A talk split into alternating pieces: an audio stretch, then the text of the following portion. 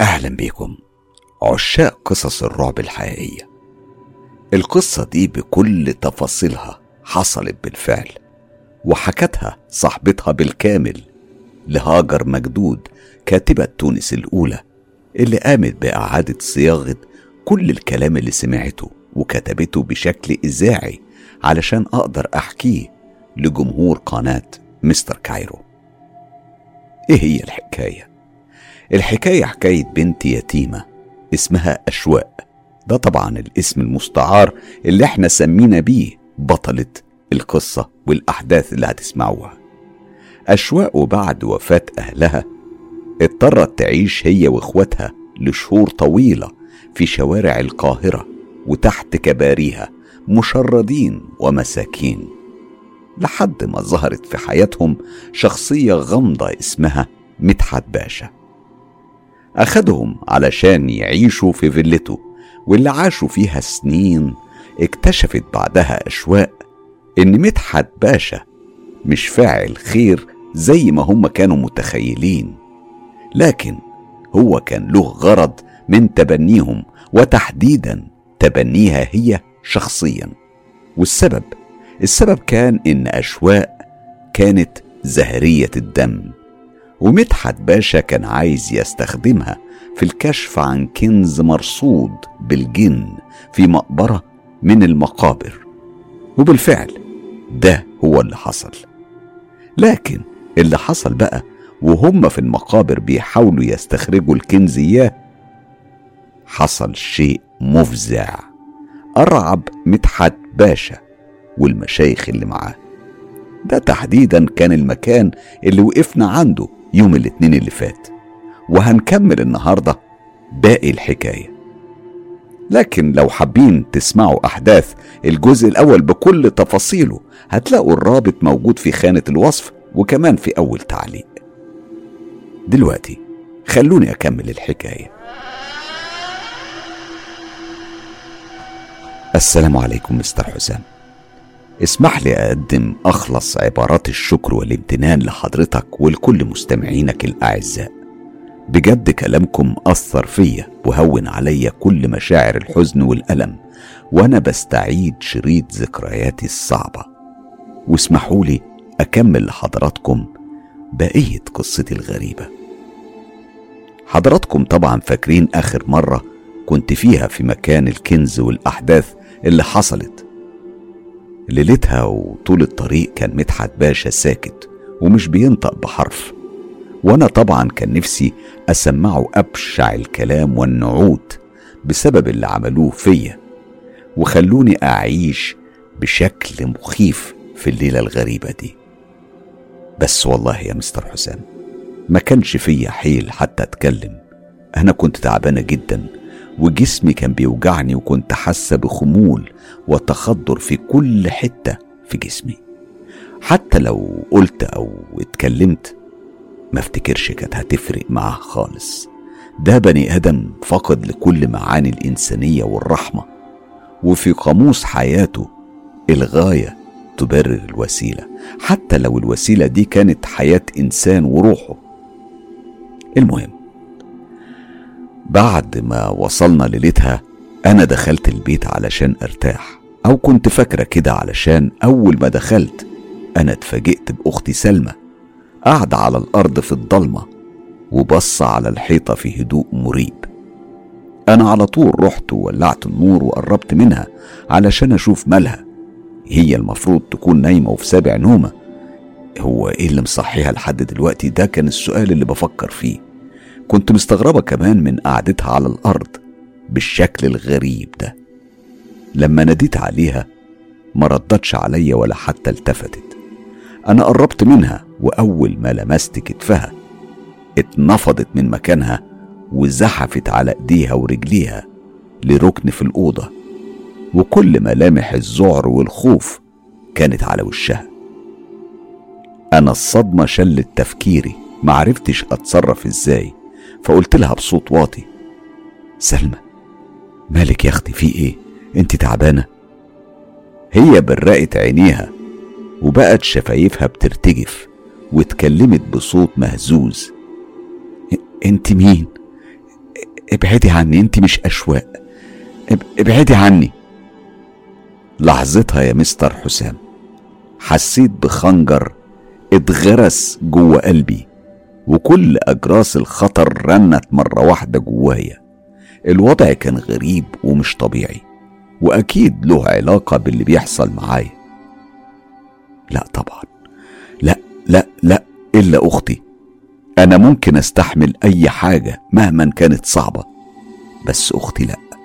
علشان كده أنا معرفتش أعمل إيه. كنت خايفة ومرعوبة زيها ويمكن أكتر منها بس مش منها. أنا أنا كان كل خوفي كان عليها.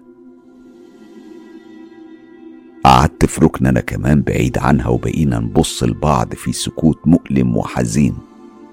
معرفش فات وقت قد إيه وإحنا على الحال ده لما فجأة دخل علينا أخويا عوض.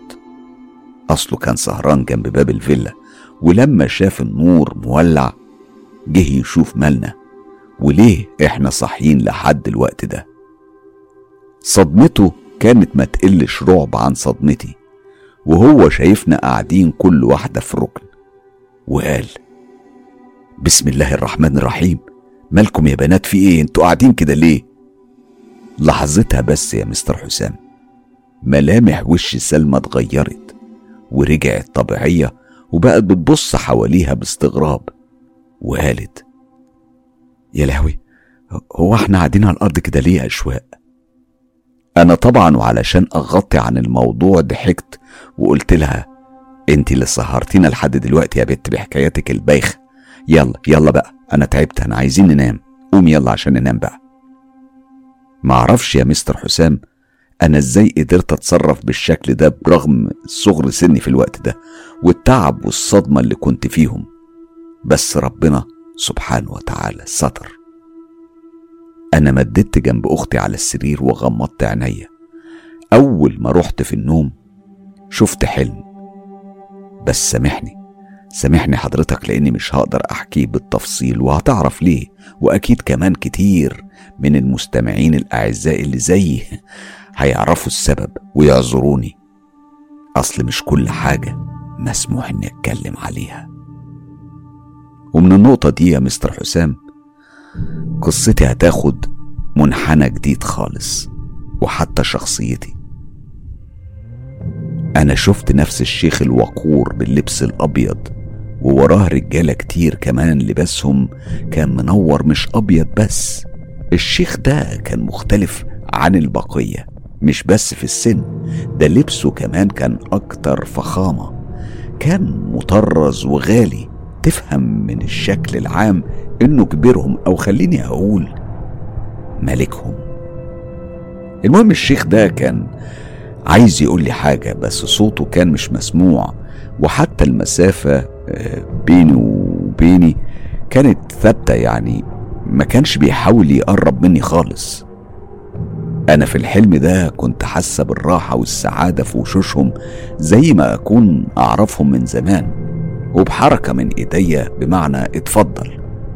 الشيخ ده قرب ناحيتي والأول مرة سمعت صوته وهو بيقول السلام عليكم ورحمة الله وبركاته يا بنتي. أنا محتاج منك إذن علشان أقدر أتواصل معاكي وأكلمك. وعهد كمان يسمح لي ولقبيلتي بحمايتك وتعليمك. الوقت حان يا أشواق علشان تعرفي انت مين. في الحقيقة يا بنتي وتقدري تتعاملي مع أي حاجة في المستقبل. أنا كنت سامعة كل كلمة بكل وضوح وفهمة ولا حسيت بالخوف أو الذعر خالص بالعكس. أنا يا مستر قبلت العهد وتممته ليلتها مع الشيخ بس بعتذر من حضرتك علشان مش هقدر أتكلم بالتفصيل عن العهد ده أو إزاي حصل. ليلتها أنا عرفت إني يعني اتعمل لي سحر من العالم السفلي وإن الكيانات الشيطانية استحوذت على أختامي. وعلشان السحر ده يتفك والعهد معاهم كمان لازم يبقى فيه محاكمة. استنى خليني أشرح لحضرتك بطريقة بسيطة. يعني ملك قبيلة النورانيين وبعد ما تم العهد بيني وبينهم جابوا خادم السحر المسؤول وكمان ملك قبيلته علشان يتحاكم مش بس السحر يتفك. ومحاكمته كانت من طرف ملك موانئ تاني أعلى رتبة وأقوى. أنا عارفة إن أنا ممكن أكون بتكلم لغة رتمات ومسائل مش مفهومة بس ده مهم علشان تستوعب الحكاية حصل فيها إيه ومشت إزاي. يا مستر حسام أنا كنت طبعا طرف في المحاكمة دي وحضرت وشفت كل تفاصيلها وسمعت كل الكلام اللي اتقال وخصوصا العهد إن مفيش كيان من قبيلة السفليين دول يتعرض لي مرة تانية أو يحاول يأذيني وإلا عقابه هيكون الحرق والموت. والأهم إن لو ملك السفليين دول لو حد يعني من قبيلته تعرض تاني وما حكمش عليه بالموت يبقى مصيره هو الموت. كل التفاصيل دول أنا عرفتها ليلتها وعشتها لحظة بلحظة. بعد ما المحاكمة خلصت دخل عليا تلات ستات محجبات بلبس أبيض كمان زي اللؤلؤ وشوشهم كانت جميلة أوي. كانوا شايلين طبق فضي فيه مية ريحتها جميلة جدا جدا زي ريحة المسك. سلموا عليا بكل احترام زي ما أكون أميرة.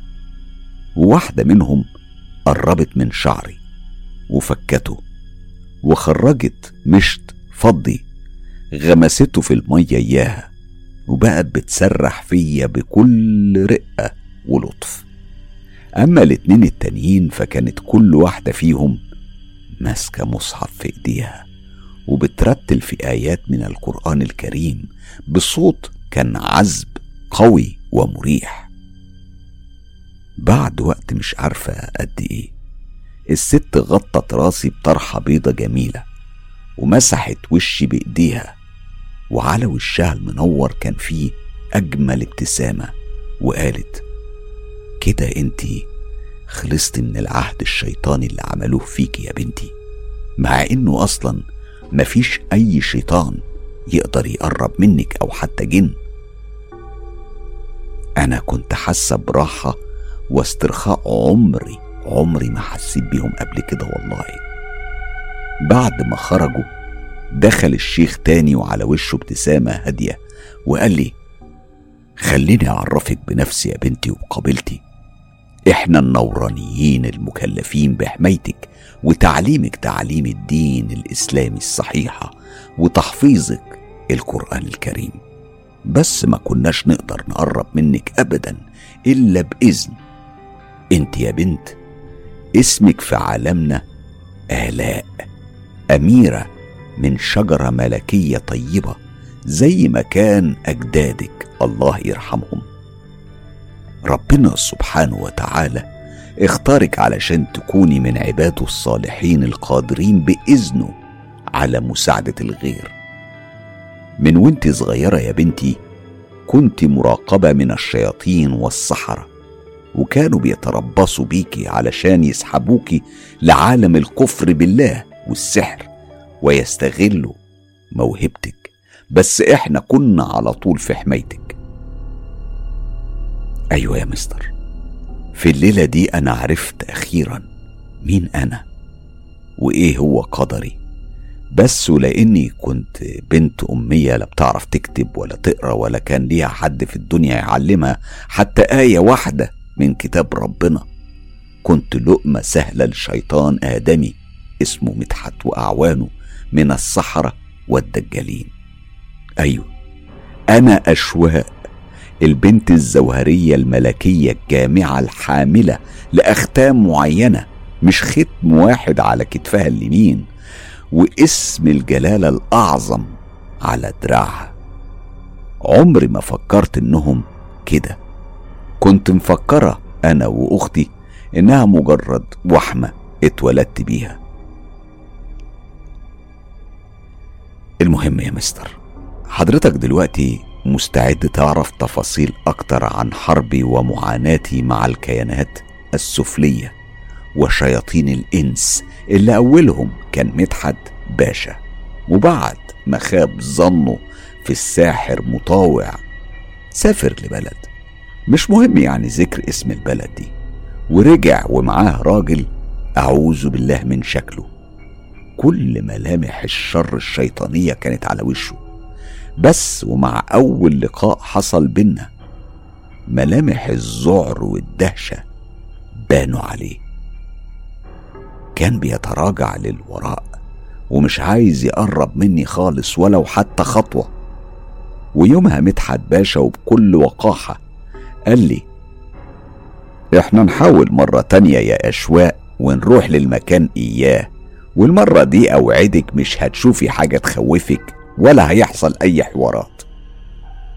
أنا جاوبته بكل هدوء. لا أنا مش رايحة لأي حتة تاني. أنت مش محتاجني معاك أهو. ساحر شديد خليه يتصرف. هنا كل ملامح الغضب والشر بانوا على وشه وقال لي أوعي تفكري اني لو ما أقدرش اذيكي مش هقدر أخلي قلبك يتحرق على أختك وأخوك يا أشواق. أنا مش بهزر ولا ده لعب عيال. اسمعي الكلام وخليكي جاهزة بكرة بالليل لأننا هنروح. الحوار ده حصل بعد الحلم اياه بثلاث شهور. أنا كنت اتعلمت فيهم كتير وكتير قوي. كانت الست فه من قبيلة النورانيين بتجيني كل ليلة. بالأول في المنام بس بعد كده كانت بتجيلي حتى وأنا صاحية. علشان تعلمني الصلاة وقراءة القرآن. أنا في ثلاث شهور بس حفظت أكتر من نص كتاب ربنا سبحانه وتعالى وبقيت محافظة على صلاتي في أوقاتها وأذكاري. نفسيتي بقت صافية ومرتاحة والخوف من المجهول اللي كنت عايشة فيه خلاص كان راح. أنا كمان علمت سلمى إزاي تصلي. هي كانت مذهولة من التغيير اللي حصل في حياتي. بس أنا زي كل مرة كنت بعرف أخرج من كل الأسئلة اللي بتسألها لي بسلام.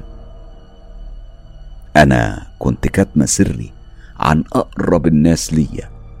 لسه الوقت مش مناسب علشان يعرفوا أي حاجة. أنا كان لسه قدامي طريق طويلة وصعبة ولازم أمشيها لوحدي. كل ده ومدحت الشيطان. ما عندوش خبر بأي حاجة ولا حس حتى إني خلاص عرفت طريقي الصحيح. المهم خليني أحكي لحضرتك دلوقتي أول مواجهة مع شياطين الساحر الجديد اللي بالمناسبة كان اسمه موسى. قبل الليلة الموعودة اللي حددها مدحت باشا أنا كنت لسه في بيته بخلص شغل المطبخ وبغسل في المواعين. نسيت طبعا أقول لحضرتك إن مدام هناء مرات مدحت باشا كانت وقتها مسافرة بلاد بره مع ابنها اللي بيدرس هناك. كانت الساعة بعد الظهر لما شفت مدحت باشا وموسى داخلين أوضة من الأوض وشايلين معاهم أكياس سودة كانت كبيرة. دخلوا وقفلوا الباب عليهم. أنا في الأول يعني ما اهتمتش بس سمعت صوت بيهمس في وداني وبيقول لي قربي. الكرسي أنا فعلا عملت كده ومفيش دقايق. والله يا مستر حسام الباب اتفتح وخرج موسى الساحر وهو بيجري زي المجنون ووراه مدحت باشا وفي الأوضة كان في دخان ريحته كانت وحشة قوي زي ما يكون في حاجة بتتحرق. أنا خرجت وراهم بره ولما وصلت زعق فيا مدحت الشيطان بصوت كان كله غضب وقهر. وقال لي أنت اللي عملتي كده يا أشواق. ماشي أنا بقى هخليكي تندمي وبكرة تشوفي. هو كان بيرتعش وجنبه موسى مبرق عينيه وكل ملامح الشر باينة على وشه. أنا ما ردتش عليه ولفيت ودخلت تاني البيت. سلمى كانت يوميها تعبانة شوية ونايمة في بيتنا. أنا سبتها ترتاح ومرضتش أصحيها وعملت كل الشغل لوحدي. لما خلصت كل اللي ورايا جهزت صينية أكل وقلت أخدها لسلمى علشان ناكل سوا. لكن أول ما دخلت البيت شفت والله بعينيا ومش بيتهيألي. خيالات سودة بتلف في المكان وبتضرب على الحيطة وعلى الأرض بطريقة عشوائية غريبة. عارف حضرتك الكورة لما تبقى بتتنطط كده في كل مكان؟ هو ده اللي شفته بالظبط. أنا كنت واقفة ومذهولة. مش فاهمة حاجة لما سمعت فجأة صوت أختي من جوه الأوضة بينهج كده. لما دخلت شفتها ماسكة رقبتها وبتاخد نفسها بالعافية ووشها كان أزرق زي ما تكون بتتخنق. أنا حطيت صينية الأكل على الأرض بسرعة وجريت عليها علشان ألحقها بس هي كانت بدأت ترجع وترجع. كانت بترجع بطريقة صعبة والترجيع ده كان عبارة عن سائل أسود ريحته وحشة قوي. وكان ظاهر فيه كده زي كتلات صغيرة من الشعر. هي رجعت كتير لحد ما بقى وشها أصفر وبعدها جسمها ارتخى. أنا من خوفي عليها وصدمتي من المشهد المقرف ده. أخدتها في حضني ومسحت على راسها وبقيت عمال أقرأ عليها في آيات من القرآن الكريم. لحظتها هي ابتسمت وقالت أنا كنت تعبانة أوي يا أشواق. كنت حاسة إن في حاجة كاتمة على نفسي بس أنت أول ما دخلت البيت كل حاجة اختفت. أي سحر يا مستر حسام مأكول أو مرشوش أو مدفون أو أي نوع تاني من الأعمال السفلية القذرة بيبطل على طول أول ما بكون أنا موجودة. دي كرامة من عند ربنا سبحانه وتعالى. بس يمكن الساحر موسى كان عايز يتأكد من ده فعمل لأختي سحر. أنا بعد الواقعة دي بقيت أنا متأكدة إن مفيش خطر بإذن الله على إخواتي من ناحية الأعمال أو السحر. بس مين عارف الشيطان مدحت كان بيفكر في إيه أو ممكن يعمل إيه علشان يلوي دراعي. فقلت خلاص أنا هروح معاه المكان الملعون ده لما أشوف آخرتها معاه. واستخرت ربنا سبحانه وتعالى ليلتها وعملت قيام ليل. وطبعا الرفقة الصالحة كانت معايا وفهموني أعمل إيه بالظبط. أنا مش هحرق على حضرتك الأحداث. خليني أحكي إيه اللي حصل من الأول. لما ركبت العربية مع مدحت باشا والشيطان موسى أنا كنت ملاحظة توترهم الشديد خصوصا الساحر كان بيتمتم بكلام بصوت واطي. وكل شوية كان بيتنفض في مكانه تقول زي ما يكون عقرب لدغه وبيحاول ما يلتفتش ناحيتي أو يبص عليا. أصله كان راكب جنب مدحت باشا من قدام وأنا كنت قاعدة ورا وبتفرج عليه. كان جوايا إحساس بالشماتة والراحة علشان أنا كنت متأكدة إن ربنا معايا. ولا يمكن لشياطين الساحر ده تقدر تقرب مني أو تأذيني. كمان أنا ما كنتش لوحدي وقتها. أنا كنت سامع صوت في وداني. كان صوت الشيخ ملك قبيلة النورانيين. كان بيقول لي في كلام كتير.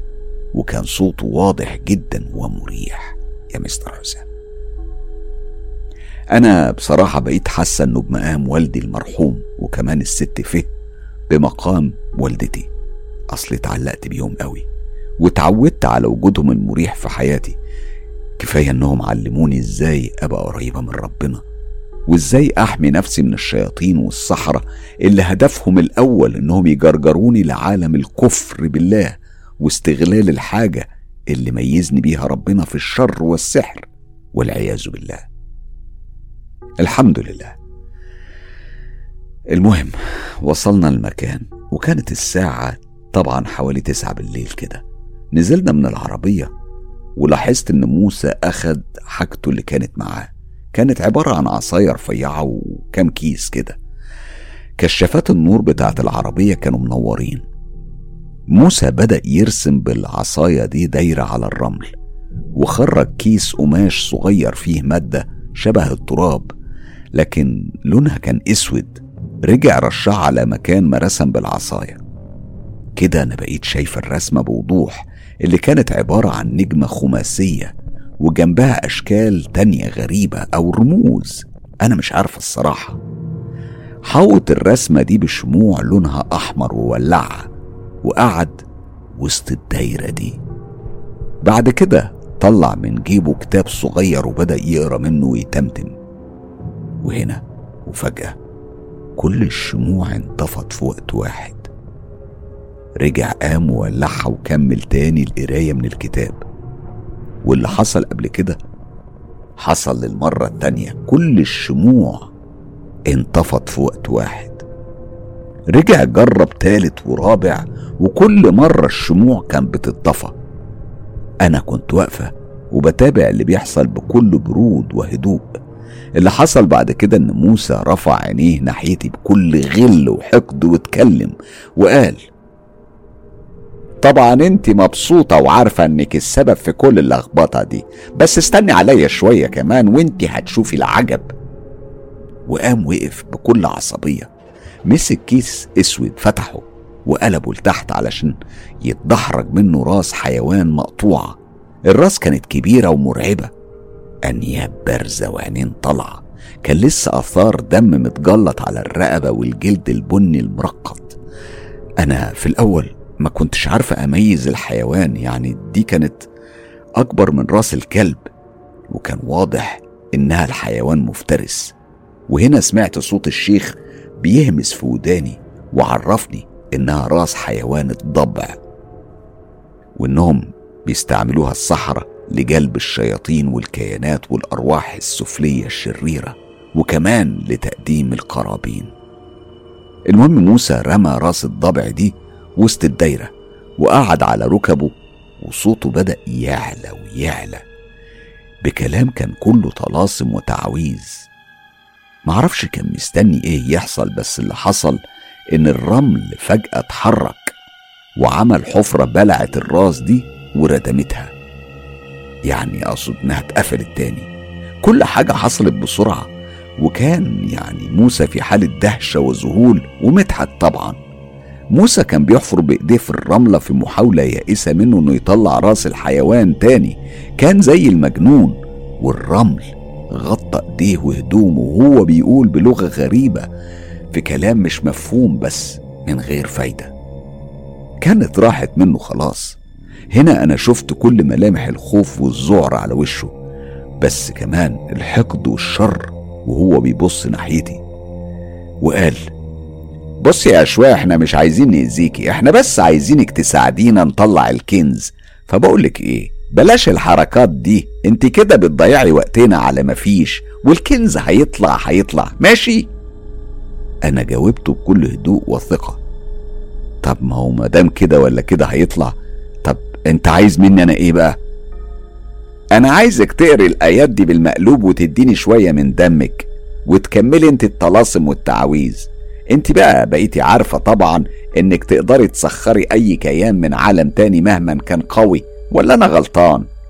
بعد كده تاخدي نصيبك وكل واحد يروح في حاله. قلت إيه؟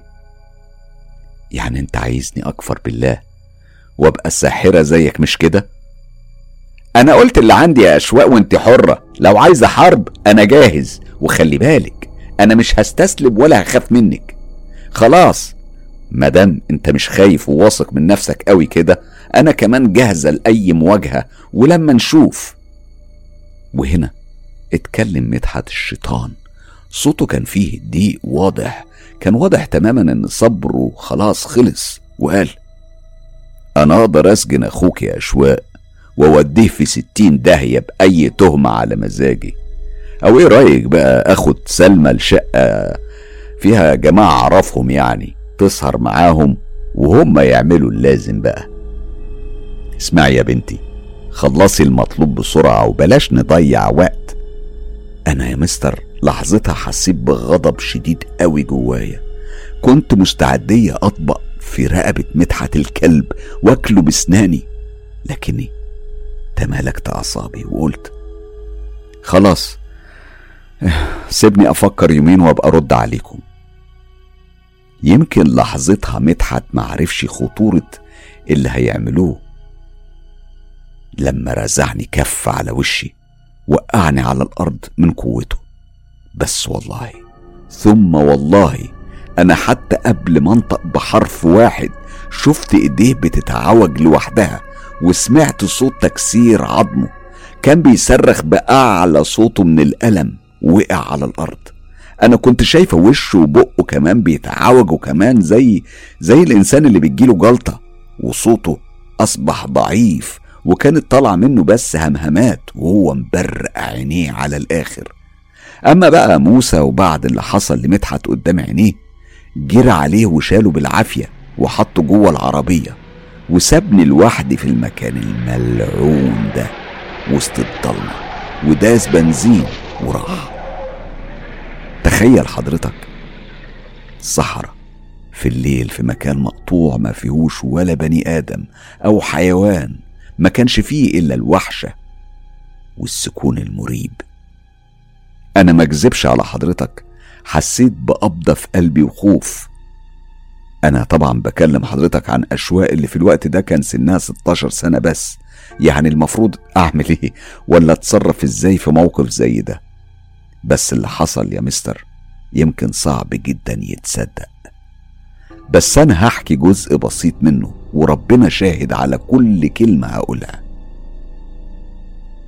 بعد كام دقيقة كنت واقفة في مكاني ببص حواليا لما شفت من بعيد نور ضعيف كان بيقرب مني شوية شوية نور كده زي اللي بيطلع من الفوانيس بتاعت زمان.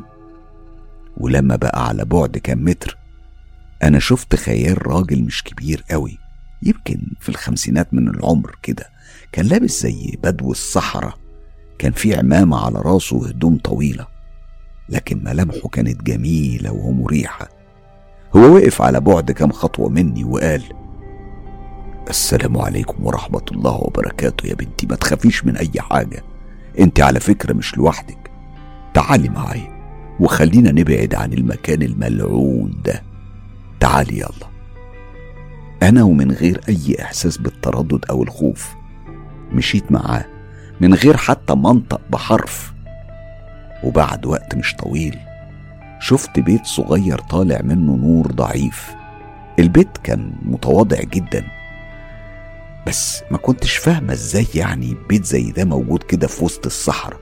يعني دي مش خيمة أو حاجة تانية دي, دي جدران وبيت يعني. أنا دخلت البيت ورا الراجل ده وهنا أنا لقيت اتنين بنات قاعدين كانوا لابسين طرح على راسهم وحاجة شبه الجلابية بس كانت جميلة قوي وفخمة. وحتى البنات دول كانوا تقريبا في نفس سني وفي منتهى الجمال والرقة. أول ما شافوني لقيتهم وقفوا بسرعة ورحبوا بيا. أنا كنت حاسة بألفة وراحة غريبة في وجودهم ما حسيتش بأي حاجة وحشة بالعكس أنا كنت سعيدة جدا. ليلتها أنا أكلت عيش وجبنة كان في كمان صحن فيه زيت زيتون وشربت لبن. كان لذيذ قوي وطعمه جديد عليا. عرفت بعد كده إنه لبن ناقة. سهرنا واتكلمنا وصلينا وقرينا قرآن كمان لحد ما حسيت برغبة شديدة جدا في النوم. حطيت راسي علشان أروح في لحظات في نوم عميق. وشفت نفسي في المنام وأنا خارجة من البيت ده وبودع البنات والراجل. الناس الطيبين دول كنت بودعهم بكل حب وكنت بركب عربية زي بتاع زمان. كان لونها أبيض حتى الخيول كانوا أربعة ولونهم أبيض كمان.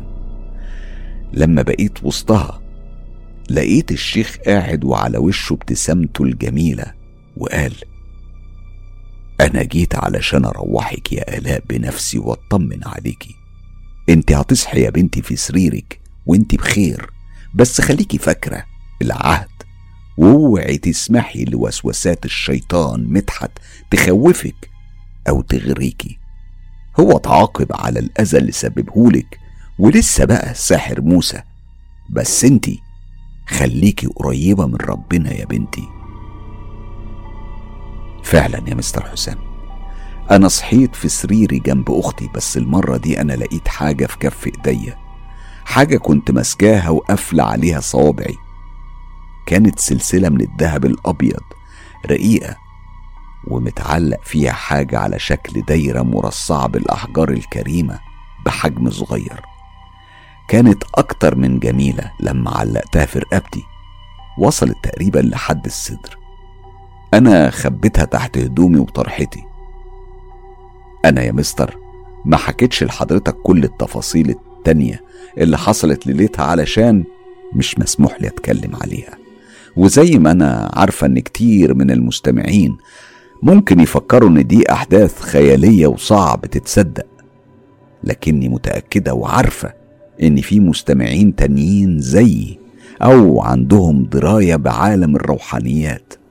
هيعرفوا إن كل كلمة أنا حكيتها لحضرتك حصلت بالفعل. أنا يمكن قمت بتبسيطها علشان الناس تتقبلها ولو شوية. طب هقول لك على حاجة. خليني أكمل لحضرتك اللي حصل بعد كده. في اليوم التاني بعد المواجهة دي أنا دخلت بيت مدحت باشا كان موسى الساحر طالع من أوضة وأول ما شافني ابتسم بمكر وخبث وخرج من غير ما يقول أي كلمة. أنا عرفت لحظتها إنه بيخطط لحاجة شيطانية تانية بس أنا استعذت بالله من الشيطان الرجيم في سري ورحت على المطبخ. المفاجأة بقى إني لقيت مدحت الشيطان قاعد بيشرب في فنجان قهوة بإيد والإيد التانية كانت متعلقة على صدره. أنا وقفت وبصيت عليه وقلت له صباح الخير يا مدحت باشا سلامة إيدك.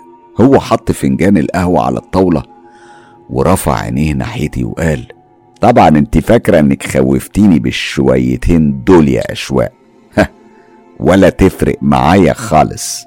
أنت لسه ما تعرفيش أنا ممكن أعمل إيه والكنز هيطلع غصب عنك وأنت اللي هتطلعيه ولو كانت آخر حاجة هعملها في حياتي. هو خرج وسابني واقفة في المطبخ. معرفش راح فين بس كان موسى مستنيه في العربية. قلت في نفسي أكيد هما بيجهزوا في مصيبة ربنا وحده يعلم إيه هي. وفعلا إحساسي وظني كانوا في محلهم. يوميها أنا لما خرجت علشان أشوف عوض أخويا محتاج إيه ما لقيتهوش في الحديقة. أنا دورت عليه في كل مكان لكنه ما كانش موجود. أخويا كان فص ملح وداب ودي مش عوايد عوض أبدا. لكني لحظتها فهمت وعرفت سر الابتسامة الخبيثة اللي شفتها على وش موسى.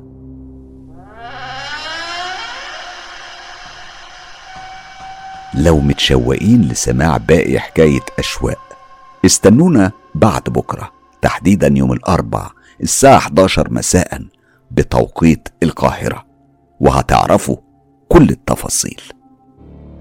استنوا لو أنتم من عشاق الرعب يبقى هيهمكم تسمعوا الكام خبر دول على السريع خاصة الخاصة من مدمني قصص الرعب اللي بيفكروا بوجدانهم قبل عقلهم وقبل قلبهم اللي بيقدروا يستوعبوا مسائل العقل البشري العادي مش بيقدر يستوعبها لكنهم وهم بس اللي بيقدروا على ده. بيقروا ما بين السطور وفي خبايا الحكايات بيفكوا اللوغاريتمات وبيلقطوا الإشارات السرية المبهمة اللي ممكن تعدي على الناس التانية مرور الكرام. لكن عندهم هم بتقف وبتتفسر وبتتفهم بوضوح غير عادي. أنتم وأنتم بس على موعد مع سر حرف الدال أخطر وأرعب تفاصيل ممكن تسمعوها في حياتكم كلها. لا. لو مفكرين إنكم سمعتم رعب قبل كده فأنتم كنتم مخدوعين لأن الرعب هيبدأ بجد يوم الاثنين سبعة يونيو 2022 وأول لقاء مع الدكتور والساحر والشيطان وسر حرف الدال. أنتم هتتوهموا بجد. أخيرا استعدوا لاستقبال قناة مستر كايرو بشكلها الجديد صوت وصورة في أول شهر يوليو القادم وقصص رعب حقيقية زي ما تعودتم كلها غموض وإثارة ورعب غير عادي. صافي من الأدرينالين. هتكون مفاجأة بكل المقاييس. في فقرة التعليقات النهاردة أنا مش هطول. هقرا مجموعة سريعة من التعليقات علشان أصحابها في انتظارها من زمان. وبشكر كل اللي بيكتب ولو حرف واحد على قناة مستر كايرو سواء بالنقد الإيجابي أو بالتشجيع. التعليق ده من علي ولد الحاج. صديقي الغالي اللي بسعد كتير بتعليقاته هو كاتب بيقول ان هو مراته كانت بتسأله سؤال بتقول له هو بكرة إيه؟ فبيقول أنا رديت عليها لا اراديا بكرة الاثنين المرعب. يا mister Cairo أنت لحست مخي بالاثنين المرعب. أنا بشكرك عليه بشكرك كتير علي. تعليق جميل جدا علي ولد الحاج تحية كبيرة ليك ولزوجتك الكريمة. وفعلا الاثنين دايما بيكون اتنين مرعب بس مع mister Cairo.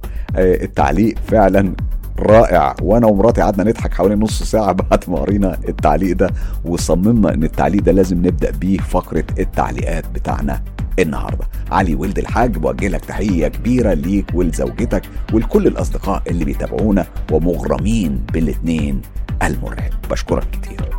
قصص قمر بتقول أنا أسيل ما تركزش مع الصورة أنا غيرتها تاني قصصك. بحسها رعب شيك بيحترم عقل المستمع مش رعب العبط المنتشر دلوقتي. تحياتي المستر رعب الشيك بشكر كتير قصص قمر أو أسيل صديقتي الغالية اللي بتسعدني كتير بكل تعليقاتها الجميلة. ديما أكرم بتقول شكرا مستر حسام أنا فرحانة جدا لأنك قريت تعليقي وبقراه لك كمان مرة يا ديما. أنتوا أصدقائي الغاليين والقريبين جدا من قلبي. أبا يوسف أبا يوسف بيقول أنت التميز والإبداع والأسطورة والاحترام. والحقيقة الكلام ده كله ينطبق على جمهور قناة مستر كايرو. بشكرك كتير أبا يوسف أبا يوسف على تعليقك الرائع. بشائر علوانة. هي من الأردن طبعا وبوجه لها التحية الكبيرة لبشاير أو بشائر اللي بسعى كتير بتعليقاتها. هي بتقول لما كنا صغار وبنسمع ونشوف قصص وحكايات كانت شهرزاد بتحكيها للملك شهريار في ألف ليلة وليلة وكلها كانت عن علاء الدين والمصباح السحري وبعد طول انتظار عن غياب عالم الخيال وفجأة وبدون سابق إنذار الفانوس بيطلع منه إنسان ما هو من الجن علشان يغير المسار ويغير المعتاد ويجي يحكي لنا حكايات شهريار عن عالم الجن لكن مو خيال. كله من واقع عاشه الإنسان. إذا أخذك شوق الكلام استمع لشهريار يحكي ليك ما لا يتحمله عقل الإنسان. تعال وعيش مع القصص يلي ما راح تسمعها إلا من مستر حسام. بلبل الرعب وأسرة القناة. يا لهوي دول ملهمش حل أبدا. يلا إيه؟ يلا بينا. بشائر بشكر كتير على الكلمات الجميلة اللي بتلمس المشاعر. بشاير صديقة أردنية غالية بوجه لها التحية الكبيرة وعلى فكرة بشاير بتجهز نفسها علشان هتكون من الأصوات اللي هتكون في الأعمال الدرامية اللي إحنا بنجهزها للصيف 2022 بشكرك كتير بشاير وفي انتظار أول الحلقات اللي هيكون فيها صوتك. التعليق ده من آي ستوديو بيقول دي تاني مرة أعلق فيها أنا محمد الشنقيطي من السعودية. بعلن انضمامي الرسمي لهذه العائلة المبدعة الغير مسبوقة من منظوري الشخصي ومستر كايرو أداء عظيم. دائما الكتب الصوتية أو السرد الصوتي في اليوتيوب بيعتمد على الحدث. وما شاء الله وصلني حسيا نقائك الداخلي وصفاء قلبك وأراهن على حدثي. أنا بشكرك كتير كتير يا محمد الشنقيطي من السعودية وبستغل الفرصة أن أنا أوجه التحية لكل أصدقائي وإخواتي اللي موجودين في الخليج العربي وفي السعودية والمملكة العربية السعودية. طبعا آه، فيها كتير من أعز أصدقائي وأرقهم وأجدعهم الحقيقة. آه، بوجه لكم تحية كبيرة جدا جدا جدا. بشكرك محمد الشنقيطي من السعودية. التعليق الجميل ده من Red Butterfly بتقول مساء الخير أبدعت يا mister Cairo كالعادة ومش هبالغ لو قلت وأكتر كمان. وأتمنى اشواق تكمل قصتها المثيرة الفراشة الحمراء من الإمارات العربية المتحدة. بوجه تحية كمان لأصدقائي وصديقاتي الغاليين جدا في الإمارات العربية المتحدة وطبعا Red Butterfly بشكرك على تعليقك الجميل وبفكرك أشواق هيكون معادنا معاها يوم الاثنين اللي جاي يعني بعد بكرة إن شاء الله هنسمع آخر جزء في حكايتها وأتمنى فعلا أشواق تقدر آه، ربنا يكرمها. وتقدر تكمل القصة للآخر لأنها آخر مرة كانت بتقول إنها خايفة تكمل. لكن أتمنى إن إحنا هنسمع آه، التعليق منها والقصة منها. بشكرك Red Butterfly وتحية كبيرة لصديقتي الغالية بمناسبة الإمارات العربية المتحدة أمنة الكتبي أو الشطبي آه، من الإمارات العربية المتحدة. هي كمان من أصدقائي الغاليين واللي دايما دايما بتدعم القناة بكل قوة ودايما بوجه لها التحية من خلال فقرة التعليقات. شكر ل Red Butterfly وأمنة الكتبي في الإمارات العربية المتحدة. التعليق ده من أنور فكري اللي بيقول الله ينور عليك يا معلم Cairo. باستمرار دايما مبدع. صحيح أنت خدتنا في دوكا وما كملتش قصة الأخ بتاع السودان وقصة أيوب اللي كان في الملجأ بس برضو أنت ما كملتهاش. لو سمحت كملها وأتمنى لك التوفيق. أنور فكري لو دخلت النهاردة على القناة وتحديدا الحلقة اللي اتذاعت الأربع اللي فات اللي كانت بتحكي على شاب ما بيحتاجش القرابين ولا زئبق أحمر هي دي قصة أيوب كاملة. بالنسبة للأخ بتاع السودان الفتى الطائش هو الحقيقة مختفي. أنا يعني لما اتكلمت معاه آخر مرة قال لي إن هو محتاج الإذن من عالم الجن علشان يتكلم. لكن وعد أنا بجهز سلسلة قوية جدا للفتى الطائش وهتسمعوه في حلقات مخصصة فقط. للفتى الطائش. هتكون حلقات فيها معلومات خطيرة وبتذاع لأول مرة. فعلا قصة قوية جدا وهو عاش لحظات أنا ما بحسدوش عليها بصراحة. بخاف جدا من مجرد بس التفكير في دخول آه، العالم الموازي. لكنه هو هيقدر يحكي لنا اللي شافه واللي عاشه واللي بيعيشه. إحنا في انتظار قصص الفتى الطائش وحالا بشكر أنور فكري على تعليقه الجميل. التعليق ده من Smart HS بيقول حسام مصباح نجم اليوتيوب ده مذيع جميل وكمان حبوب. والله انت اللي حبوب بشكرك كتير على تعليقك الجميل جدا واللي أسعدني كتير.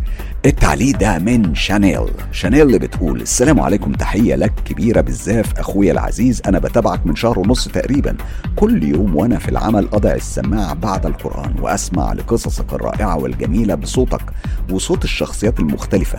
صراحة الله يعطيك الصحة ونتمنى لك مزيد من التقدم والازدهار ليك ولطاقمك الرائع. تحية ليك من مغربية مقيمة في كوريا الجنوبية. أحبكم في الله آه، سبحانه وتعالى. شانيل صديقتي الغالية وكل أصدقائي المغاربة اللي مش بس موجودين في كوريا الجنوبية لا كل أصدقائي المغاربة اللي موجودين في فرنسا وفي إنجلترا وفي أسبانيا وفي إيطاليا. الحقيقة في موجودين في هولندا وفي الدنمارك وفي النرويج. أنتوا موجودين في كل حتة لكن الأهم إن أنتوا موجودين في قلبي. كل أصدقاء مستر كايرو ليهم مكان ومساحة كبيرة جوه قلبي مهما كانت جنسياتهم ومهما كانت دولهم. أنتوا فعلا مكانكم في قلبي. بشكرك كتير شانيل وبتمنى لكل المغاربة اللي موجودين في كوريا الجنوبية آه إن تكون كل أوقاتهم أوقات جميلة ويكونوا بيستمتعوا معانا بكل القصص اللي بننشرها على قناة. مستر كايرو. التعليق ده من حنان برقوقي. بتقول في جو المطر والبرد اللي أنا فيهم دلوقتي في كندا لا ينقصني سوى قصص رعب وأكشن. مع صوتك يا أستاذ الرعب. تحية من حنان. حنان برضه زي ما قلت في التعليق اللي فات أنتم تحية ليكم من كل مكان في العالم. أنتم موجودين في كندا موجودين في في النرويج في جورجيا في أنا عارف كل البلاد اللي بتسمع قناة Mister Cairo لأن بيطلع لي في آه، في كإدارة يعني بعرف البلاد اللي, اللي, اللي المستمعين والأصدقاء الغاليين بيسمعوا فيها وبعرف بيسمعوا قد إيه وبيقضوا وقت قد إيه. حقيقة بتسعدوني كتير جدا جدا. أنا في حلقة وعلى على الهوا مباشرة لازم هطلع وأقول كل البلاد الجميلة اللي فيها أصدقاء من كل دول العالم آه، بيتابعوا قناة مستر خير بوجه لهم التحية الكبيرة. تحية كبيرة ليك يا حنان وبشكرك كتير على تعليقك الجميل وأتمنى إن الجو يظبط في الفترة اللي جاية. حنان برقوقي. بوجه لك تحية كبيرة من قلب قناة مستر كايرو بالنيابة عن كل الفريق اللي بيدير قناة مستر كايرو وتحية لكل الأصدقاء المقيمين في كندا والمقيمين في الولايات المتحدة الأمريكية وفي جورجيا وفي النرويج وفي الدنمارك وفي الخليج في السعودية وفي الإمارات العربية المتحدة وفي الكويت. الحقيقة يعني محبتكم فعلا بتسعدني كتير جدا جدا. أنا ليا كتير من الأصدقاء. أنا أنا بعتبر إن القناة قناة عالمية لأنها واصلة لكل دول العالم في ألمانيا في إيطاليا في إنجلترا في فرنسا في هولندا. آه، موجودين في كل مكان. دايما بتسعدوني بتعليقاتكم الجميلة. وتحية طبعا لكل أصدقائي في المغرب العربي والمشرق العربي لأنه أنتم الأساس أنتم آه، المكان اللي بننتمي إليه كلنا. بالنسبة للأصدقاء اللي بيسألوا على آه، آه، قصة عيشة قنديشة إحنا بنجهزها لكن طبعا تم تأجيلها للصيف فإن شاء الله نسمعها الصيف آه، اللي جاي بإذن الله سبحانه وتعالى. أمل محمد حسن كل سنة وجميع فريق مستر كايرو المحترمين حقيقي وبأكد المحترمين بألف خير وعيد مبارك أكيد طبعا في الانتظار والتشويق والإثارة لسماع قصصكم الواقعية والمثيرة والرائعة في نفس الوقت أكيد في الانتظار. أمل محمد حسن بشكرك كتير على تعليقك الجميل. فعلا بتسعديني بتعليقاتك الراقية زيك.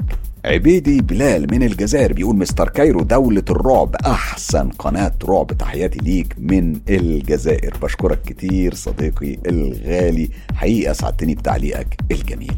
سامية غزواني صديقتي الغالي هختم بيها تعليقاتنا النهارده بتقول اولا إن شاء الله عيدكم مبارك يا أحلى حسام مصباح أنت وفريقك ومستنية القصة بالشوق وخاصة قصة الساحر الأردني التائب صديقي الغالي والعزيز Mister Cairo من صديقتك سامية من تونس إلى مصر. بشكرك كتير يا سامية. الحقيقة أنا مقيم في لندن لكن طبعا أنا مصري ودمي اللي بيجري جوايا دم مصري صافي مية في المية. بشكرك كتير جدا جدا جدا يا سامية. نورتينا النهارده.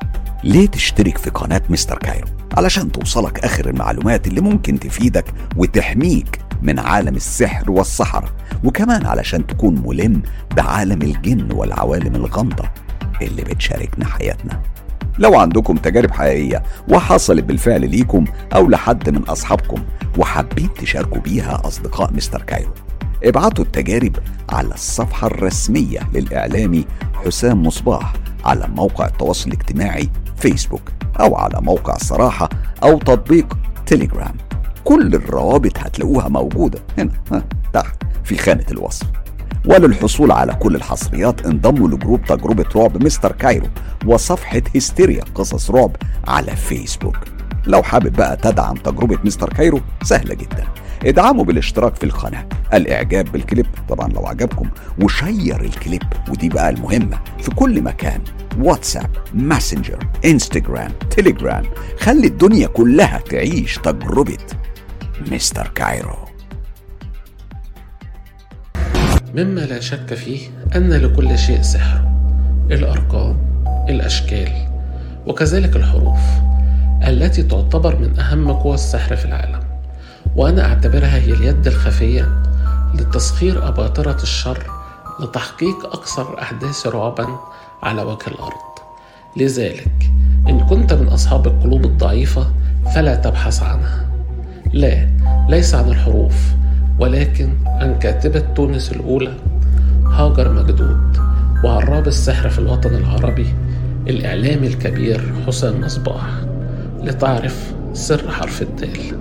استغليت علاقتي القوية بكاتبة تونس العبقرية هاجر مجدود وسألتها إيه هو سر حرف الدال؟ قالت لي ما تفكرش فيه عشان هو ما يفكرش فيك.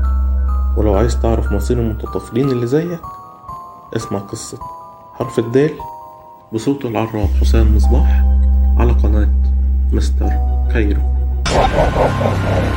اللغة العربية أعظم اللغات وحروفها مميزة بزاف منهم حرف الضاد الحرف اللي ما كانش في أي لغة في العالم وهذا الشيء معروف عند الكل. لكن اللي مش معروف إنها عندها أرعب حرف. إيه. عندها أرعب حرف اللي هو حرف الدال. يا درا وش هو الرعب اللي مخبيه حرف الدال؟ حابين تعرفوا؟ تابعونا على قناة مستر كايرو. كانت معاكم الأضمن مروة بن داود من الجزائر. بين الواقع والخيال في خيط رفيع جدا بيفصل ما بينهم. اسمه الحقيقة. والحقيقة دايما بتكون مؤلمة. الدكتور الشياطين والجان وحرف الدال اللي بتدور حواليه علامات استفهام كتيرة. قريبا حقائق وأحداث مفزعة ومرعبة بيرفع عنها الستار على قناة Mister Cairo.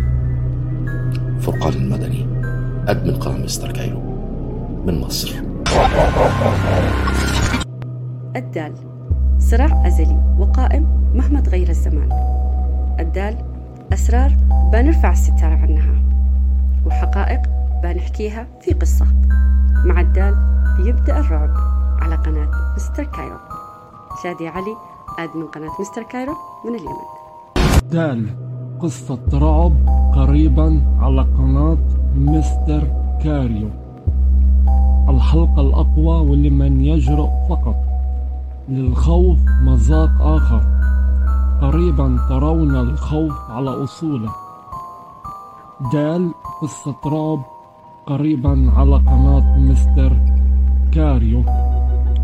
admin قناة Mister Cairo خضر طنطورة فلسطين سويسرا. عالم Mister Cairo عالم غريب. فريد متميز. عالم كل حاجة فيه بتتغير بكل مقاييسها حتى الحروف. حرف الدال مش مجرد حرف في عالم Mister Cairo.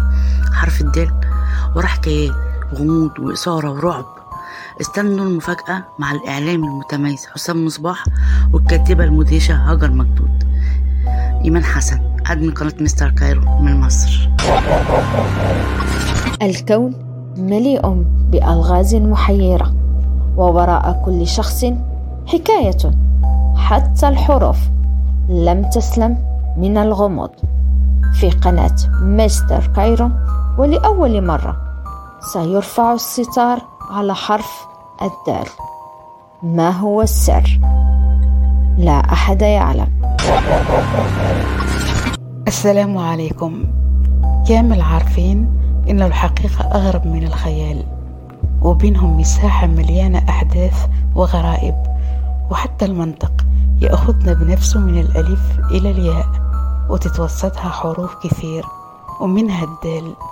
نعم الدال اللي فيه مجموعة أسئلة واستفهامات.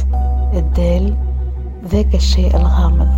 هل هو سحر جن مرض أو رمز لآفات خطيرة؟ الصراحة أنا ما نعرفش سر الدال. كل هذا قريبا وحصريا بقيادة الأستاذ حسام والكاتبة هاجر. انتظرونا. نصر صباح.